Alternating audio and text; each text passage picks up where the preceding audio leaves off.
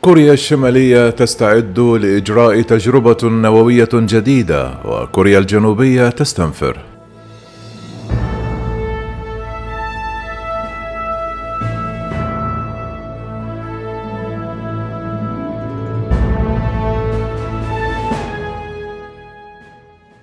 كشفت الكوريا الجنوبية عن استعدادات تجريها كوريا الشمالية لإجراء تجربة نووية من دون أن تحدد موعد زمنيا لهذه التجربة.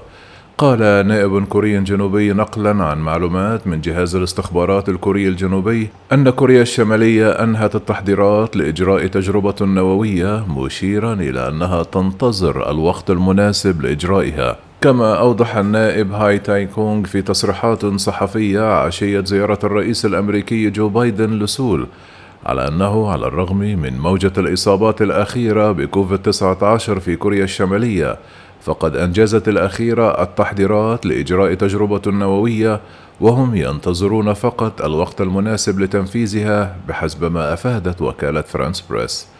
تأتي هذه التصريحات بعد أقل من 24 ساعة على تحذير أمريكي من قيام كوريا الشمالية باختبار نووي أو صاروخي أثناء جولة بايدن الشرق آسيوية.